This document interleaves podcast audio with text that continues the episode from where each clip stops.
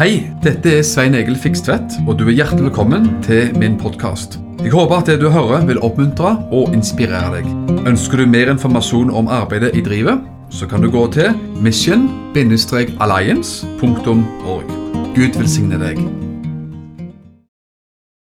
Jeg har kalt det jeg skal si her i dag, um, kalt det for 'Hvordan livet leves i endens tid'. Hvordan livet vårt burde leves i endens tid. Og altså Fordi at det, dette er mye mer enn et spennende emne. Det er et spennende liv. Sitat Arnfinn Clemmensen, som sa det for noen år siden.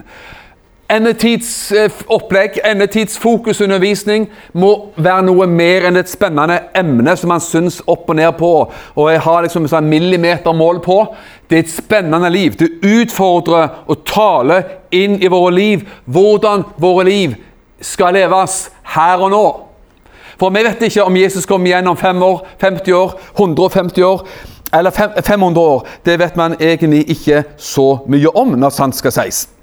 Har du noen gang opplevd uh, Det var en person som sa det. Jeg skal sitere en person som sa det. Han hadde tydeligvis opplevd å ha stått i en slags hengemyr. Har du stått i, i, i billedlig forstand, altså? Har du følt at livet var en hengemyr av og til? Og du sank litt ned, og du sto opp til, til halsen liksom, med elendig dritt i livet, altså. Det var, du, du sank mer og mer ned i gjørma og, og dritt. Og Det var det en som sa det sånn hvis du føler at du står nettopp med dritt og møkk og elendighet og myrvann helt opp til halsen, da er det ikke rett tid å henge med hodet, sa han.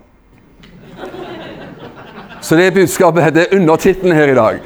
Da er det ikke rett tid for å henge med hodet. Og av og til når vi preker med de siste tider, så kan jo hende at vi synker ned og ned mer i hengemyra og føler at det, det, det stiger mer opp. Men det er viktig altså å ikke henge med hodet, uansett, selvfølgelig.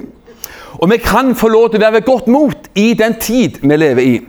Vi kan få lov til å ha Guds fred i, med, i den tiden vi lever i. Og jeg, jeg tester meg sjøl alltid når man snakker om ting. Jeg, jeg, sa i går jeg liker å følge med på litt Midtøsten-nyheter og følge med rundt omkring. Og det er mange grunner til å bli litt nedslått. Men jeg har bestemt meg for det, for at Bibelen sier at er det noe som du og meg skal ha godt, en god dose av i livet, så er det Guds fred og Guds glede. Er du enig i det? Det, det, det, er liksom verdier som henger veldig høyt i Bibelen.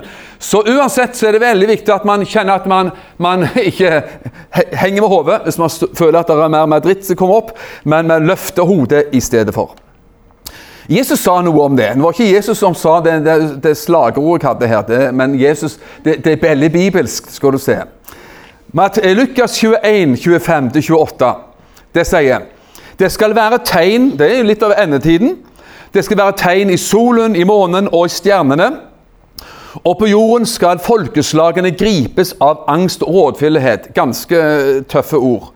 Når hav og bølgene bruser tøffe, tøffe beskrivelser. Mennesker skal bli maktesløse av frykt og gru for alt det som skal komme over jorden. For himmelens krefter skal rokkes. Da skal de se menneskesønnen komme i en sky med stor kraft og stor herlighet. Det er, det håper jeg.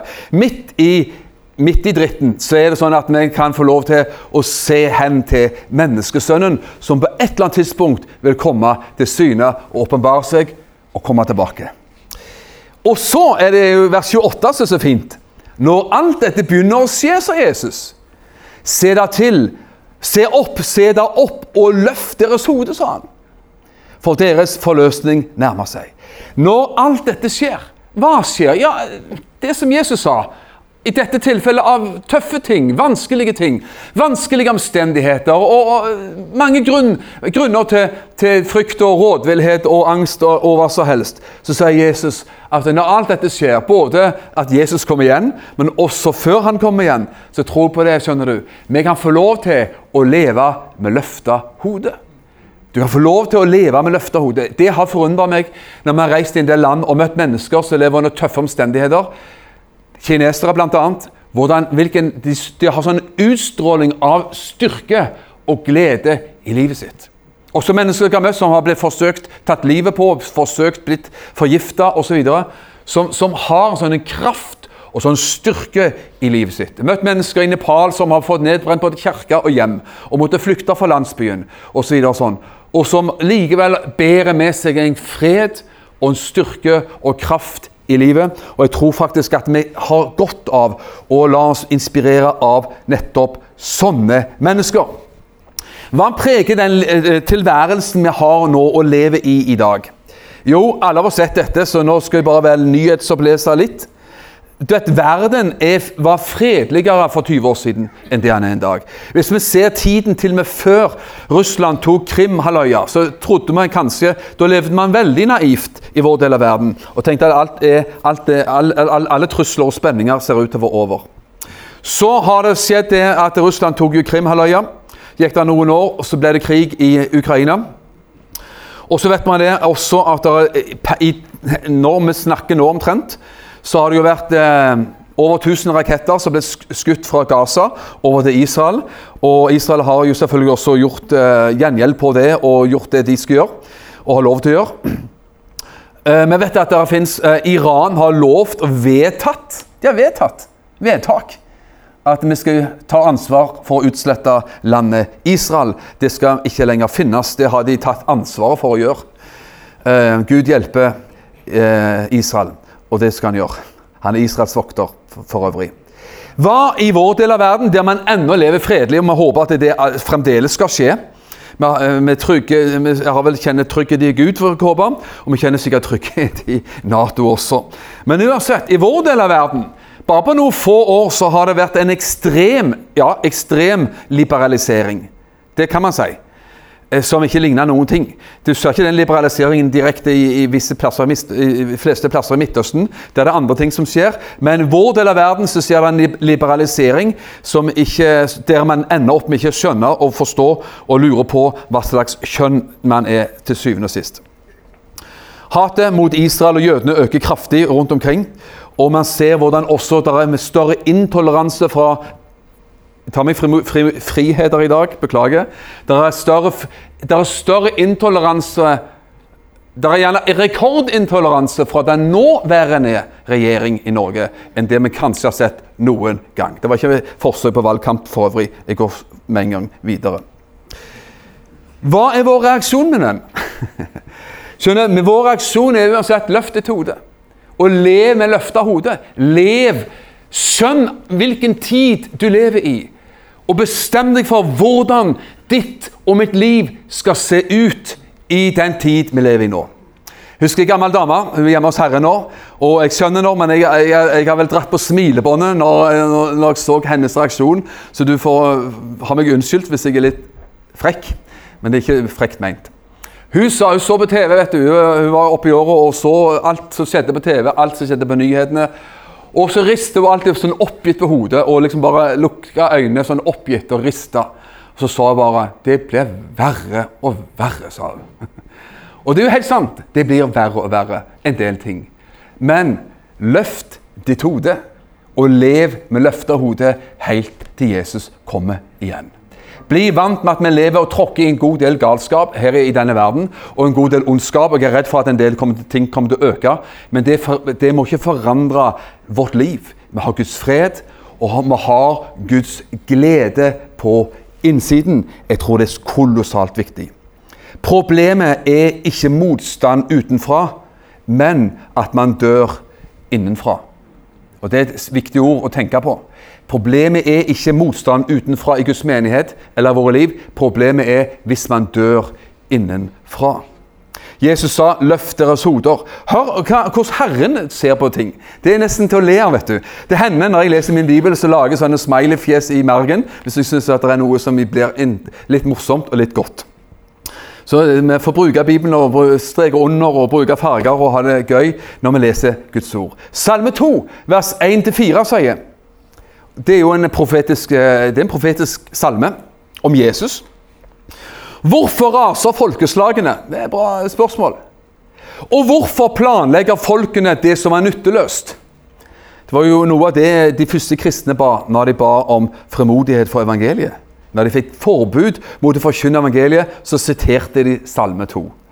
Ok, Hvorfor raste folkeslagene, og hvorfor planlegger folkene det som er nytteløst? Jo, det, ja, man kan smile når man leser dette. Jordens konger stiller seg opp, og fyrstene rådslår med hverandre mot Herren og Hans salvede. Jordens konger, jordens statslederne, det kan være i EU, det kan være i FN, det kan være her og der rundt omkring. De rådslår seg sammen mot Herren og Hans salvede. Og de sier La oss rive deres bånd i stykker og kaste deres rep av oss. Du vet at det, det er jo det man faktisk talt gjør i en del fora i verden. Man gjør alt, og man beslutter alt som gjør, alt som kan rive Guds åk av oss. La, la oss gjøre så godt man kan å bryte de ti bud. La oss gjøre så godt man kan for å rive av seg denne mørke kristendommen og religionsvesen som, begrenser våre liv og gjør livet vårt surt, og, og som påstår og pålegger oss å ha, liksom, være, være gift inntil døden skiller oss av, og, og være tro mot vår nestefelle Nestefelle, ja. Ektefelle. Nestefelle. Ektefelle og kaste alle idiotiske religiøse regler av oss, og la oss bare ta alt helt ut. Det er ganske mye av det som preges på, på visse fronter. Jeg, fulgte, ikke med, jeg slutta med det. I, I, dag sier jeg mye. Jeg føler meg fri her, altså. Beklager. Jeg, pastoren skal få mye å rydde opp etterpå her i dag. Men vet du, det, det er mange år siden personlig jeg, jeg, jeg, Når jeg går så langt at jeg må jo bare si resten Det er mange år siden jeg slutta å se på Melodi, Melodi Grand Prix. altså. Jeg syns det blir mer og mer uh, Muppet-show og tivoli og jeg vet ikke hva. Nok om det. Det er ikke fordømmelse hvis du, at du koste med cola, cola chips og gjorde det i går. Ingen fordømmelse. Men det er godt du er her og kan få Tilgivelse for syndene. Gode Gud. Nå skal vi lese vers fire, herrene. For det, det passet inn i det, det som sa nå. vet du. Vers 4 i Salme 2. Når Gud ser det, og ser at det, Han ser ned og ser at det, eh, en del folk sier La oss kutte ut. la oss kutte, Få vekk Gud. Få vekk Guds plan for mann og kvinne. Få vekk Guds plan for ekteskap. Få vekk Guds prinsipper. La oss kaste deres rep av oss. Du skulle tro at Herren ble grusomt deprimert, men her står det noe annet. Han som troner i himmelen, ler, står der og, og herre, Herren spotter dem. Så Herren sitter liksom der oppe og ler litt. Og skal du få sin egen enkle teologi jeg, jeg, har det her, hvis ikke skal jeg si det, jeg finner det en plass. Men uh, det står jo i Efesene 2, er det vel. Det står at du og meg er satt med Kristus i himmelen. Amen. Det var posisjon. Vi satt med Kristus i himmelen. Og da er Svein Egils teologi, i hvert fall her i dag, det er at hvis Gud sitter i himmelen og ler, og du og meg er satt med ham i himmelen Kanskje du og meg kan le av og til, da? Hva er poenget? Ha en ovenfra og ned-holdning, ikke mot mennesker, men ha en ovenfra og ned-holdning mot alt det som skjer. Møt ting fra en høyde. Møt ting den, med å vite hvem du er, og hva du har i Kristus. Og hvor du er plassert i Kristus. Og Det er det som imponerer meg når jeg møter mennesker fra andre deler av verden som har vært ute i en vinternatt altså, og som har fått brent ned huset sitt et par ganger som likevel har denne styrken og kraften i livet sitt, og som har sett at Gud kommer gjennom likevel. Og Vi trenger å være der med våre liv. Halleluja. Du har hørt gjerne om en, historien om denne guttungen. Det er typisk at du, noen har små barn her og kanskje kan kjenne det igjen. Og Det er en bra holdning, altså. Denne guttungen som eh, skulle sitte bak i, bak i bilen da, og skulle ha sikkerhetsbelte på. Sitte på sånne puder og ha sikkerhetsbelte på. Men denne guttungen han syntes det var mer gøy å ta av sikkerhetsbeltet og stå oppreist i bilen og holde liksom i nakkestøtte til faren som kjørte bil, og kikke litt ut og stå oppreist og leve liksom litt sånn i frihet i, i baksetet. Da blir faren ganske irritert og sier at sett deg i setet og ta av sikkerhetsbeltet. Det er farlig, og det er ulovlig, det du gjør. Så han måtte snakke strengt til gutten. Så etter litt kamp, for av og til er det kamp rundt sånt, så er det sånn at guttungene han satte seg og fikk på sikkerhetsselen og satte seg oppå denne eh, puta der sånn, og ordna seg sånn som han skulle. Så sa denne guttungen veldig bra. Og sa han, 'Nå', sier han, 'har jeg satt meg fast og selene på.' Sa han. Så nå sitter jeg, sa han. Men inni meg, sa han, 'Inni meg så står jeg'. Så han fikk siste stikk. Og vet du hva? Hvis du, ikke, hvis du ikke husker noen ting annet her i dag, så husk det at hvis du står med halsen opp til halsen med dritt, så ikke senk hodet, men løft hodet. Og vit at ved innsiden så skal du stå. Skjønner du? Omstendigheter, det som skjer i verden, endetiden, vanskelige ting. Det er noe i oss i Kristus Jesus som gjør 'jeg står' og står. Jeg har lyst til å preke om mange ting her i dag, og jeg skal heller bare følge med på klokka. Jeg elsker historier som Daniel. Våg å stå som Daniel. Han sto som denne guttungen. Han sto i landet Babylon overfor kongen osv. Så sånn. Han sto. Og Du har, også um, Mordekai og gjengen i, i Esters bok. Du har flere sånne. De bare sto. Shadrach, Meshach og Abednego, også i Daniels bok. De sto oppreist i vanskelige tider. Og du og meg trenger å lære oss å bli stående i vanskelige tider, for det er noe som betyr veldig veldig mye. Og Gud kommer, Jesus kommer ikke igjen til en slagen og nedbrutt brud, han kommer til en seirende brud. Og Når han kommer og henter oss, det vet vi ikke.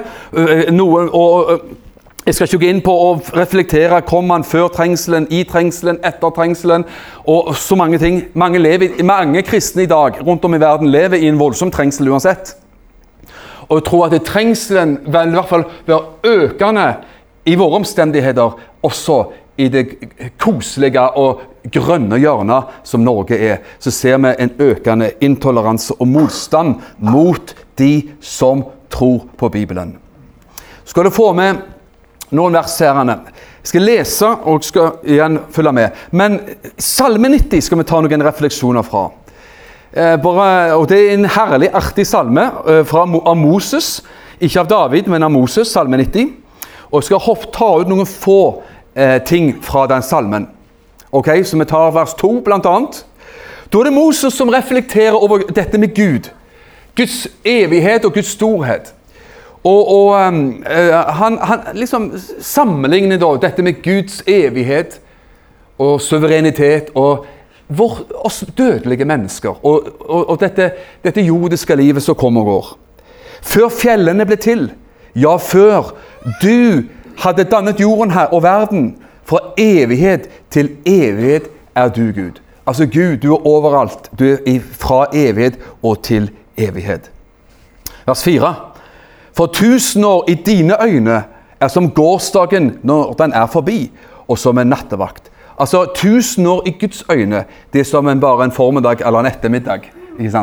Guds tidsperspektiv, Guds, eh, Guds eh, eh, eh, horisont er så forskjellig så, eh, enn det vår er. Så sier han noen kjente vers, vers 10. Våre livsdager er 70 år, og med større kraft 80 år.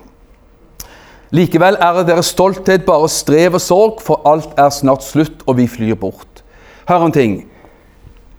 Mange av oss, og jeg er en av de, som for lengst har, har passert skulle ønske, skulle ønske jeg kunne sagt at jeg har bare passert 40, men dessverre så er det verre enn som så. Jeg har passert 50, også med god margin for lengst. Og eh, Sånn er det. Og så vet man det at året går fortere og fortere. Og alle av oss som har passert 40, i hvert fall 50, vet at årene går fort. Og livet er kort. Og man har lært noen ting, at livet også kan være veldig veldig skjørt. Og Man har vært gjennom noen oppturer og nedturer, noen eh, kriser, noen seire. Og så, så, skjønner man det, og så får man sannsynligvis et mer også ydmykt forhold til livet. Her sier Moses at, eh, at menneskets dager er 70 år, sa han den gangen. Og har man stor kraft, så er man 80. Du vet, I vår tid så kan man sikkert, fordi at vi lever i 2023 og man, Det går an å legge seg inn og blokke ut noen årer og freske seg opp litt. Så er det sånn at man kan leve, Mennesker lever i dag mellom 80 og 90 år. Er du enig i det? Gjennomsnittsalderen ligger der, og noen passerer også 100. Jeg kjenner ei dame i Froland som har passert 100 og lengter veldig til å reise hjem til Jesus. Hun har levd et rikt og godt liv og har vært, eh, vært glad i misjon og alt mulig. Men vi lever mellom 80 og 90 år vanligvis. Og her står det at menneskets alder er altså 70, ved stor styrke så er han 80. Men uansett om du og vi klarer 90 eller skulle klare 100, så vet vi at en dag så er dette livet her på jord det er over. Det er det i hvert fall ingen tvil om. Og da kommer poenget mitt her. Etter den, liksom disse refleksjonene til, til Moses så, jo, så kommer han med sånn en liten og sterk bønn. Så jeg har lyst til å stanse litt opp ved. Og da sier han jo, og det er kjente vers, tror jeg, lær oss derfor å telle våre dager, så vi kan få et vist hjerte. Midt i dette som han snakker om livets skjørhet og Guds uendelighet og osv., så, videre, så sier han lær oss derfor å telle dagene våre, altså, så vi kan få et vist hjerte.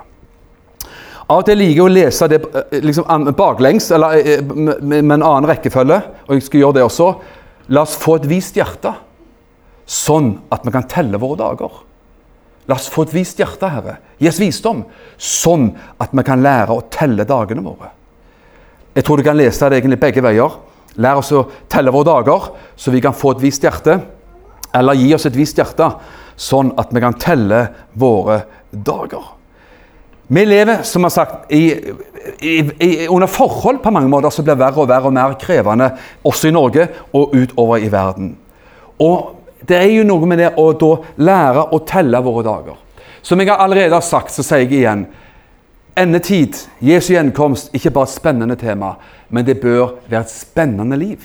Og Da er mitt spørsmål hvordan skal mitt liv se ut i denne tid? Ok, jeg blir snart 57 år. Og si Jeg hadde med meg Jeg glemte den på, på, der jeg bor hos Harald nå, på rommet. Så ser for deg metermål. Du vet, Bent Høie under koronaen så hadde han sånn metermål i indrelommen sin. Så han dro opp den og så hold meteren. Avstand det var det den gangen. Så ser for deg et metermål. Det er ikke så vanskelig. Og så klipper du av 10 cm av den. For 1 cm er ett år. Og så lever man til 90 år kanskje, så klipper du av 10 cm på den. Da har du en, en, en mål på 90, 90 cm. Så skal jeg spørre så dramatisk til deg og meg hvor langt på den 90-meteren der, 90 cm, har du og meg kommet. Jeg har kommet omtrent til 57. Og da er spørsmålet hva vil Svein Egil bruke de neste f.eks. 25, 25 år igjen kanskje av mitt liv? Kanskje mindre, kanskje mer. Bare Gud vet. Men hvordan skal mitt liv se ut? Og da, da har jeg lyst til å si det sånn. Vi snakker om endetiden. Vi gjør faktisk det. Vi snakker om Jesu gjenkomst, bare på en annen måte. Kommer Jesus igjen om fem år, 500 år, 150 år, i morgen? Ingen av oss vet. Så på den måten så kan ikke vi ha en sånn eh, tidshorisont på endetiden. Men vet du hva? Jeg kan på en måte ha noe peiling på min endetid. På mine år. Kanskje 30 år. Jeg vet ikke. Mine år. Min egen endetid. Din egen endetid. Og da er spørsmålet vi så opptatt av hvordan skal endetiden være, og endetiden se ut? Ja, hvordan skal min endetid se ut? Lær oss å telle våre dager, sånn at vi kan få visdom i hjertet. Ingen av oss vet selvfølgelig når Jesus kommer igjen, men jeg vet jeg lever neppe 50 år til. Jeg kan leve kanskje 30 år til. Skulle du høre noen sterke ord, som jeg, jeg har kalt det på min oversikt eh, liksom, her hva står på kong Davids gravstøtte? Har du tenkt på det noen gang? Jeg vet ikke, men jeg uh, har innbilt meg noe her. Hva står på kong David sin gravstøtte? Eller minneord? Apostelens gjerninger 1322 får vi kanskje et hint. For det er står som preker om eh, evangeliet, og han er innom bl.a. dette med kong David. Til, til de han preker til. Og da han hadde avsatt Saul reiste Gud opp David som konge for dem. Og ham ga Gud også vitnesbyrd og sa Altså, Gud ga David et vitnesbyrd. Gud sa noe om David. Jeg har funnet David, sønn av Isai, en mann etter mitt eget hjerte. Er ikke det fint? Jeg har lyst til å være, og du har lyst til å være, en mann eller kvinne etter Guds eget hjerte. Og så står det 'Han som skal gjøre all min vilje'. står en annen oversettelse 'som skal utføre alt det jeg vil'. Gud utvalgte David, og han hadde jammen sine noen skikkelige fall og feil også. Men deriblant er Guds nåde også stor. Så det som står jeg innvender, er liksom minneordet over kong David, eller som gjerne står inngravert på hans gravstein. er det jeg fant David. En mann etter mitt eget hjerte. Og han skal utføre all min vilje. Han skal gjøre, han skal gjøre min vilje. Han skal utføre det jeg vil. Han skal være i min plan med livet sitt. Med andre ord. Og er noe som burde være opptatt av oss, burde opptatt, Vi burde være opptatt av, enten man har 60 år igjen på denne 90 cm, eller 20 eller 10 eller 15 eller 35, hva som helst Hvor langt man har kommet på denne 90 cm eh, tommerstokken, så er det sånn Man får lov til å være, har lyst til å være en mann og en kvinne etter Guds hjerte, og man har lyst til å være i Guds plan med livet. Apostelens gjerninger 36, det er jo samme kapittel, bare noen få vers etterpå, så står det også noe nydelig om kong David, som kanskje også det står inngravert på hans gravstein. For etter at David hadde tjent sitt eget slektsledd etter Guds vilje Han tjente sitt slektsledd etter Guds vilje. Han var tjener for Guds plan så lenge han levde, står det i en annen oversettelse. Han var tjener for Guds plan så lenge han levde. Grunnleggende er det jo sånn jeg kan kun være i Guds plan så lenge jeg lever. Når min tid er over, så er den over. For å si det litt sånn enkelt, siden vi lever i moderne tider. Vi får håpe noen opptak eh, lever videre, da, så vi kan være velsigne, velsigne folk etterpå. Men grunnleggende er det sånn at jeg er jo i Guds plan med mitt liv på denne måten vi snakker nå, så lenge jeg lever. Jeg kan få lov til å være en del av Guds plan, få lov til å eh, leve min endetid. Leve de år som Gud har gitt meg, og Gud har gitt deg. Og Det tror jeg er så viktig at man har dette fokuset midt i dette emnet, store emnet. Sånn at det, gjør noe med oss. Det bringer oss til et eller annet sted her i livet når vi snakker nå om Jesu gjenkomst. Vi snakket jo om en god del punkter på det i går også, så det kan vi ikke repetere. Jesus kom igjen en gang, og det er helt fantastisk. Hva skal vi holde på med i vår endetid? Hva skal Svein Egeland holde på med de år jeg får igjen? Hva skal du være med på å gjøre de år du har, i Guds nåde, Guds har fått i din endetid? Du skal du få noe hint her fra Bibelen. Matteus 24, vers 44-47. Derfor skal også dere være beredt, sa Jesus. Han snakker om endetiden. Vær beredt. For menneskesønnen kommer i en time dere ikke venter det. Hvem er da den trofaste og kloke tjeneren? Her er det noen som kan være kloke og trofaste, som Hans Herre har satt til å styre over sitt husfolk for å gi dem mat i rette tid. Hva er det han snakker om? Jo, mens vi venter på menneskesønnen. Hva gjør man da? Jo, man er en klok og trofast tjener. Man gir mat i rette tid, altså åndelig mat. Man tjener Gud. Man tjener høstens herre på den måten og på den plass som Gud har satt oss å være tro. Og da skal jeg si at Det, det er jo ikke alle som er kalt til å bli Kina-misjonærer eller, eller, reise til verdens ende her og der. Noen gjør det. Og Jeg har fått, ved Guds nåde fått være med og reise det land, og skal nå på mandag morgen reise til Etiopia uh, og, og, ha møtekampanje der og seminar og forskjellig. Og Det er alltid en glede å gjøre sånt, selvfølgelig.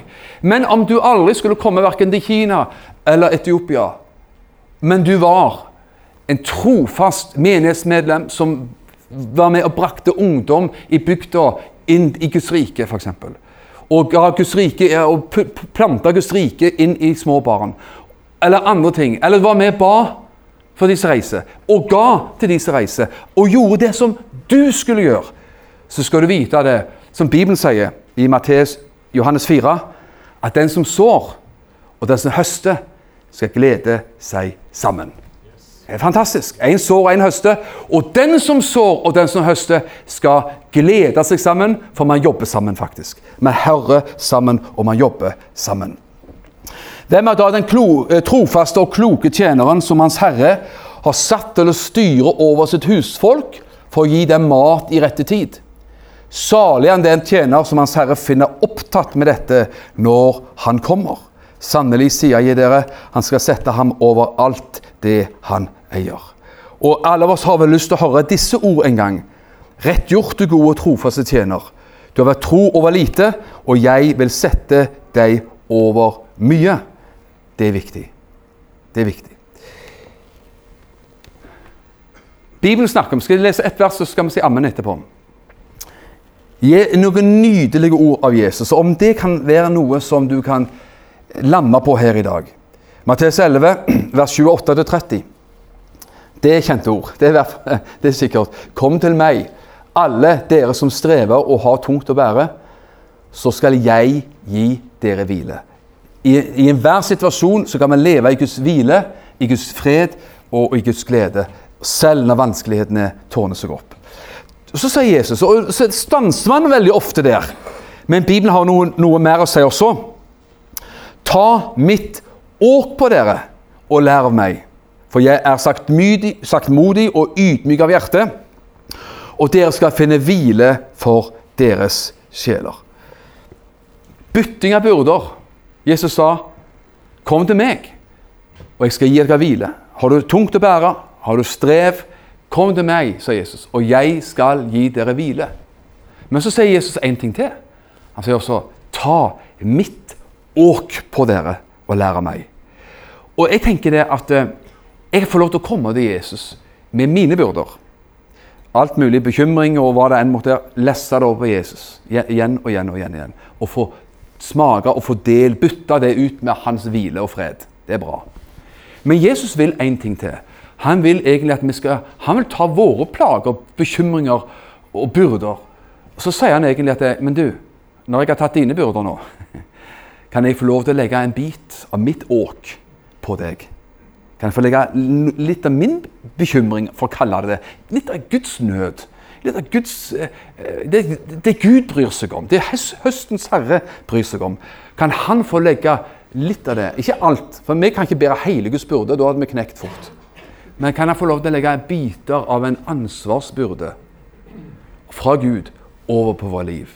Som vi kan bære ansvar for noens frelse, om du vil. Bære ansvar for å bringe evangeliet ut til noen. Bære ansvar for, å, for, for barn og ungdom i bygda og menighet osv. Bære det ansvaret, bære den byrden som Gud legger på den enkelte av oss.